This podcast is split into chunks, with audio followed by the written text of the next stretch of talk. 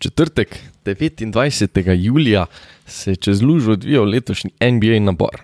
Najboljši in najbolj perspektivni mladeniči sveta košarke so se potegovali za uresničitev svojih sanj in 60 mest, ki vodijo v najmočnejšo košarkarsko ligo na svetu.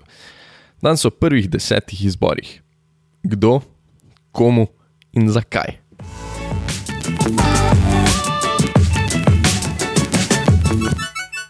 Da že čist na začetku povem, jaz uh, nisem nek treft strokovnjak, dogajanje v ligi NCAA in podobnih ligah, kjer so ti pebi do zdaj igrali, spremljam samo posredno, vsake tok časa, ki slišiš prek vseh teh NBA kanalov, ki jih spremljam.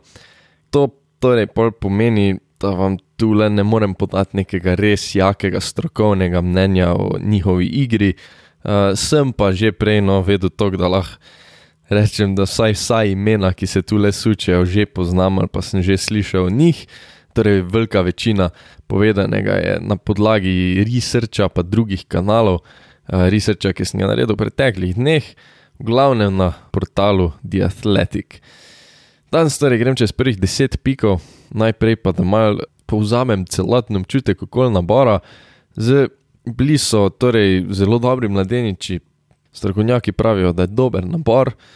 Sem pa jaz osebno pričakoval kak tak epic trade, eh, pa se ni zgodil, ne vsaj kar se draft prospektov tiče. Eh, gledali pa čakali smo Oklahoma City, Thunder pa Houston, če bo ta svojimi.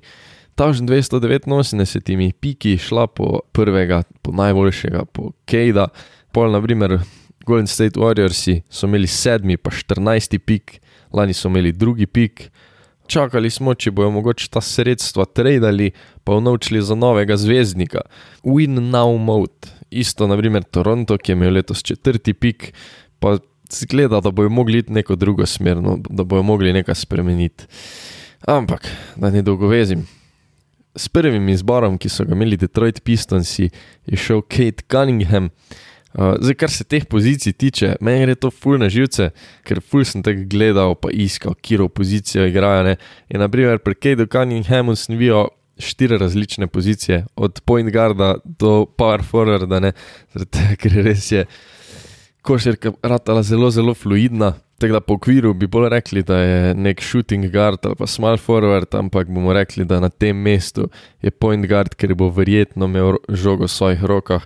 Večina ljudi pravi, da je tak uh, Luka Dončić light, res light, ne? ampak visok ball handler, uh, ima elitno zaključevanje, zelo, zelo dobre procente, uh, lahko capa tako pod obročem kot za tri.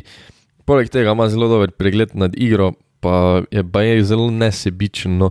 Uh, hkrati pa je mal neroden na žogi, kar bi lahko pomenilo, da bojo mogoče rabili iskati drugega, primary bile handlerja, ampak hkrati je zaradi te višine pa hitrosti lahko zelo, zelo dober v obrambi.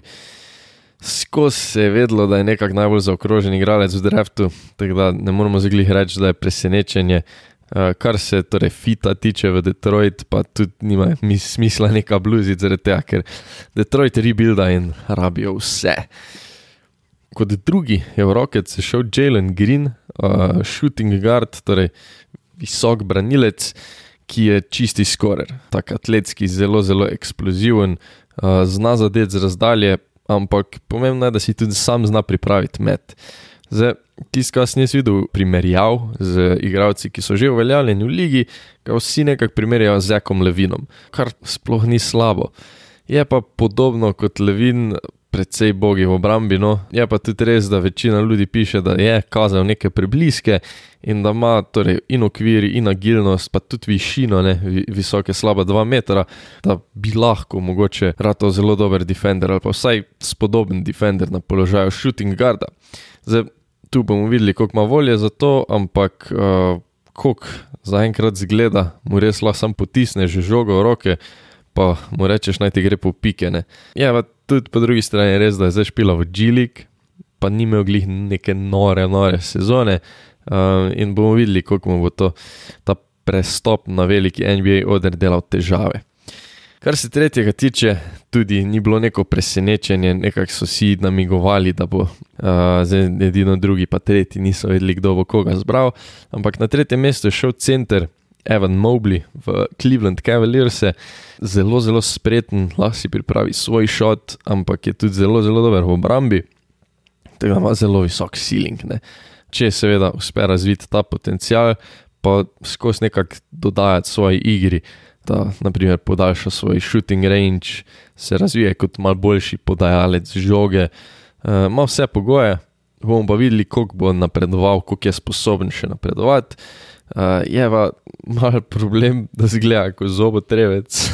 uh, jaz vam predlagam, da to pogooglate, ker je res, res suh. Po mojem, bo mogel zgor spraviti ne 10 km mišične mase, da ga ne bojo ostali velikani tako buljali. Centri se vračajo nekako, glede na to, da se je v zadnjih desetih letih vse malo odmaknilo od Big Mena, uh, Mobli pa ima čisto vse pogoje, da izstopa. Zdaj, kar se fita tiče, pa ni glih optimalno. No? um, zdaj, lani so tradili za Jareta Elena, centra, ki živi pod obročem, ker druga ne more. Hkrati pa tudi zelo, zelo dober v obrambi, tako da zaklepa obroč in bi si znala biti z mobljem mal na poti. Zdaj, kako bojo to rešili, ne vem. Je pa po mojem tudi dejstvo, da glede na to, da so tradili za njega, bojo Elena probali podaljšati. Ne. Bomo videli, definitivno pa ima Jared Allen malce problem s prihodom Evana Moblija.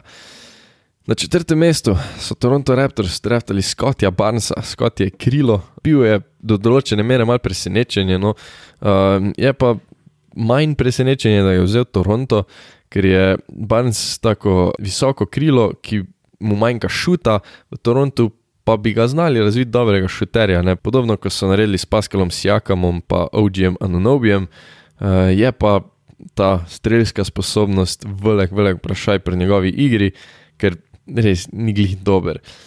Ima uh, pa solidne podaje, dobre podaje, veliko potencijala v obrambi, pa vedno vloži veliko truda, kar je vedno pomembno. Hkrati ima pa tudi veliko, veliko občutka za igro, kar se fita v ekipo tiče, je vse skupaj mogoče malo bolj odvisno od Toronta kot od njega, uh, v katero smer bodo Raptorsi šli, ker zaradi svojega okvirja bi si znala biti s Jakomom mal na poti. Um, se pa pač torej Dreftanje Barnesa ponuja kot nek semi-temelj rebuilda, če se s Jakom odločijo tradati. Tako da bomo videli, no, uh, ni slab fit, lahko bi bilo boljš, ampak je pa predvsej odvisno tudi od tega, kakšne poteze bo Toronto vlekel. Na petem mestu je Orlando Magic draftal Jalena Saksa, uh, organizatorja igre. Zdaj, ko sem jaz gledal, Saksa noben ni imel kaj fejst nižje od petega mesta, kaj pa kar je nekaj strokovnjakov ocenjevalo celo više. Po kakih višinah lahko on poseže, bomo še videli. Je organizator igre, precej fizično sposoben, atletski, z velik, velik basket IQ, ne, pa dobrim pregledom nad igro. Zdaj, koga v Orlandu mogoče malo postavlja pod vprašanje to, da so si v zadnjih letih nabrali a, mladi par na branilskih položajih. Tredali so za Markela Fulca, mu dali pogodbo, lani so draftali Kola Antonija, oba ta pa sta pokazala, da bi se lahko razvila več kot solidna basketaša. No. Da, če bi gledali izključno fit, vsak torej ne sede, ampak čeprav fit ne sede, kar se kvalitete tiče, s pikom ni nič narobe. Na šestem mestu je Oklahoma City Thunder zbrala Josha Gidija, Avstralca. Uh, je v bistvu tak uh, krilo, hkrati pa point guard, še ena tista uh, smešna, ko ne veš, zaglih kam bi ga uvrstil, ampak po kviru je bolj krilo. Pravijo pa, da je en najbolj smart igralcev v letošnjem naboru, zelo, zelo dober playmaker, več kot soliden ball handler, mu pa manjka šutiranja, pa obrambe ena na ena ampak eh, je tako res zelo, zelo kvalitetno playmaking krilo, ne? kar je v modernem NBA-ju majka. Kar se fita tiče, tudi tu nima glize smisla nekaj komplicirati. Ok, si podobno kot Detroit dela čisti rebuild, razen seveda še Giljusa Aleksandra. Tako da na tem mestu vzameš igralca, ki se ti zdi najbolj vreden in ga probaš razviti v nekaj več, probaš izpolniti njegov potencial in Gidi, glede na to, da Oklahoma res dejansko rebuilda, bi znal imeti kar uh, veliko priložnosti, da ta potencial tudi uresniči. Kar se tiče sedmega izbora in že omenjenih Warriorsov, so zbrali Jonathana Kumingo, tudi krilo, pri Kumingi se mi pa zdi, da je bila javnost najbolj razdeljena, je tako visoko krilo, surova kvaliteta, hiter, močen, dober v obrambi.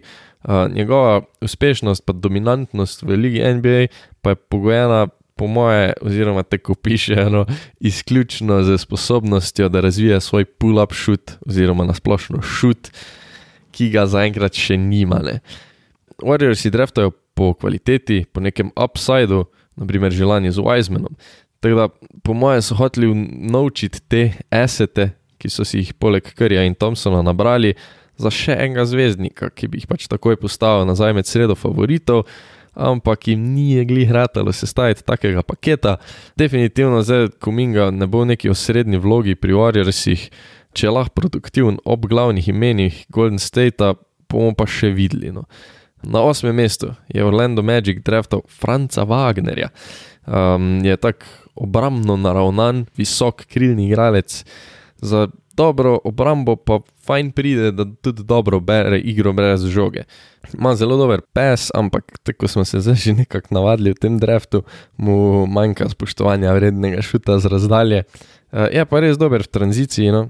s solidnim ball handlingom, če pa dobi ta strel z razdalje aparata in tako dober 3D guy z nekim X-faktorjem, je pa v moderni ligi takoj vreden desetine milijonov. Na devetem mestu so Kingsi draftali point guarda Daviana Mitchella, je dober obrambno, s potencialom za dobre podaje, ima prebliske z solidnim pregledom na igro, uh, ampak ni nek primaren scorer. Zdaj, kar se s tem pikom tiče, ne, zelo, zelo slab fit. Uh, torej, Kingsi so draftali še enega point guarda, ko že imajo Diana Foxa, ki so ga podpisali na maksimalno pogodbo, lani so draftali Halliburtona, ki je pokazal, da je lahko res, res, res dober igralec v ligi. In oni grejo s top 10 pikom v res dobrem draftu zbrati organizatorja igre. Poleg tega so lani tradili za Dilona Wrighta, backup point guarda, imajo pa še vedno šokantno Badija Hilda, košarkarja prve peterke.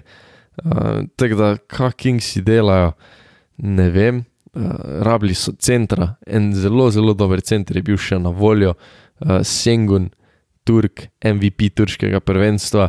Tako da, Kingsi so, tako smo zdaj mogoče že malo navajeni, razočarali.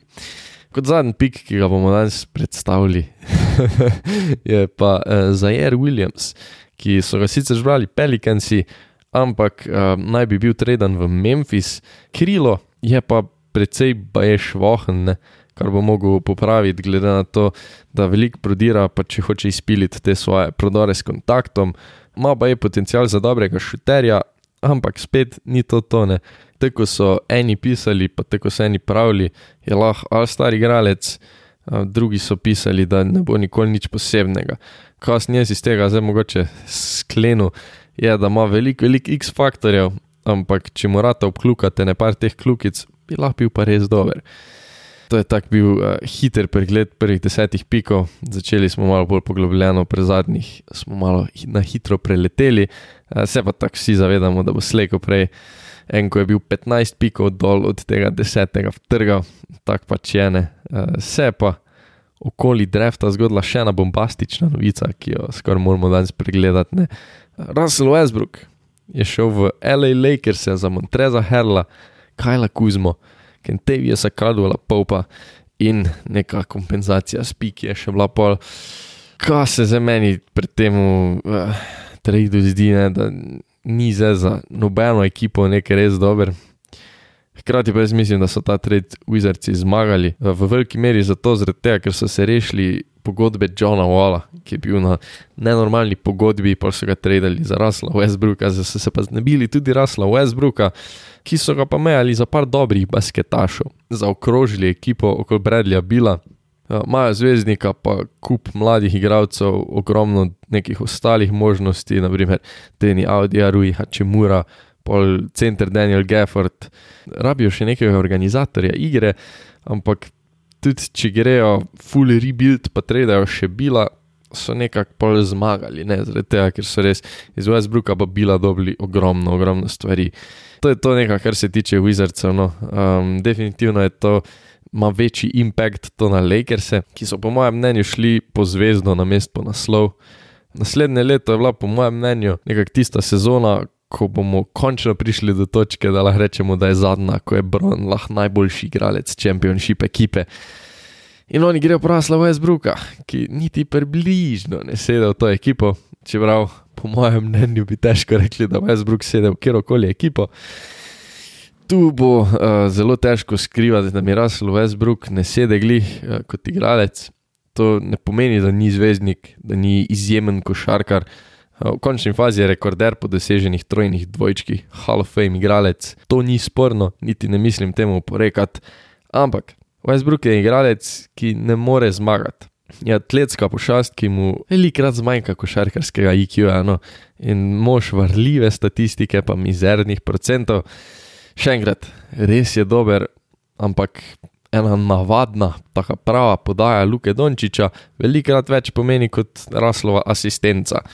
Ker Westbrook je človek, ki zapira svoje soigralce pod svojim košom, da lahko bere skok. Je tudi košarkar, ki mora imeti žogo v rokah, mora biti središče moštva, da je lahko učinkovit. Klasičen primer tega smo videli, naprimer lani, Wizardsi niso imeli za burek, pol so sistem prilagodili v Westbrooku, mu dali žogo v roke in so najkrat začeli zmagovati, ker raz neverjetno dvigne flor neke ekipe, hkrati pa mu, po mojem mnenju, tudi precej zniža ceiling. In ko prijemo do končnice, je tvoj ceiling veliko, veliko bolj pomemben kot tvoj flor. Lakersi so nedvomno dobili individualno najboljšega košarkarja, ki so ga lahko, sam ne najboljšega za uspeh moštva.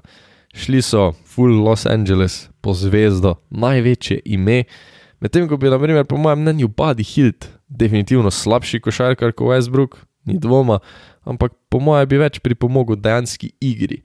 Mislim, v rednem delu sezone bi to znalo izgledati boljš, ker imajo preprosto več orožij iz dneva v dan, ampak ne razumem, kako bo to izgledalo v končnici, ker kot sem že rekel raz rabi žogo v rokah, da je lahko učinkovit, kar pol pomeni, da žogo vzameš iz rok Lebronu, enemu najboljših peserjev v ligi, ko bo ta Bron ali pa Anthony Davis čarala, ko jo bojo podvajali, noben ne bo rabo kriti Westbrooka, ker za tri meče 30 posto. No, verjamem, Buddy Hill bi to rešetal. Mislim, ni mi všeč trade za Lakers, ker iskreno ne vidim, kako to lahko deluje. Uh, ena razlaga, ki je sicer res verjetna, je, da je Westbrook en tak safety, ki bo v rednem delu sezone omogočal malo več load managementa. Zdaj, lani so vijolično zlate uničile poškodbe, to je dejstvo. Tako Davis kot Lebron sta veliko, veliko časa sedela, zaradi česa so strmoglavili dol po lestvici. Če imaš rasa, se to ne zgodi, ker je predober, da bi izgubljal, če se igra sistem, ki mu je pogodil. Tako da, po moje, je ta poteza malo varovalo, da se bodo sezone lahko lotili malo bolj previdno, pa v mehurčka s to folijo zavili Lebrona pa Davisa in ju odvili šele v končnici, ker bo brez dvoma raz mogel stopiti na stranski tir. Ker če se je v njegovi karieri kaj pokazalo, pa je to to, da če je Westbrook strojevodja, gre vlak direktive v steno. Evo, tak, da že na tem mestu povem, Uh, naslednja dva tedna sta eni malo bolj športni zgodbi iz sveta nogometa in korporacije Red Bull. Uh, tudi ne boste poslušali samo mojega lapanja, tako da bi znalo biti fajn. Zdaj se malo spočimo, relaksirajmo, uh, navijajmo za naše pebe na olimpijskih, pa pa se tako počasi že moramo spraviti mentalno stanje, da se začnemo pogovarjati o novi sezoni.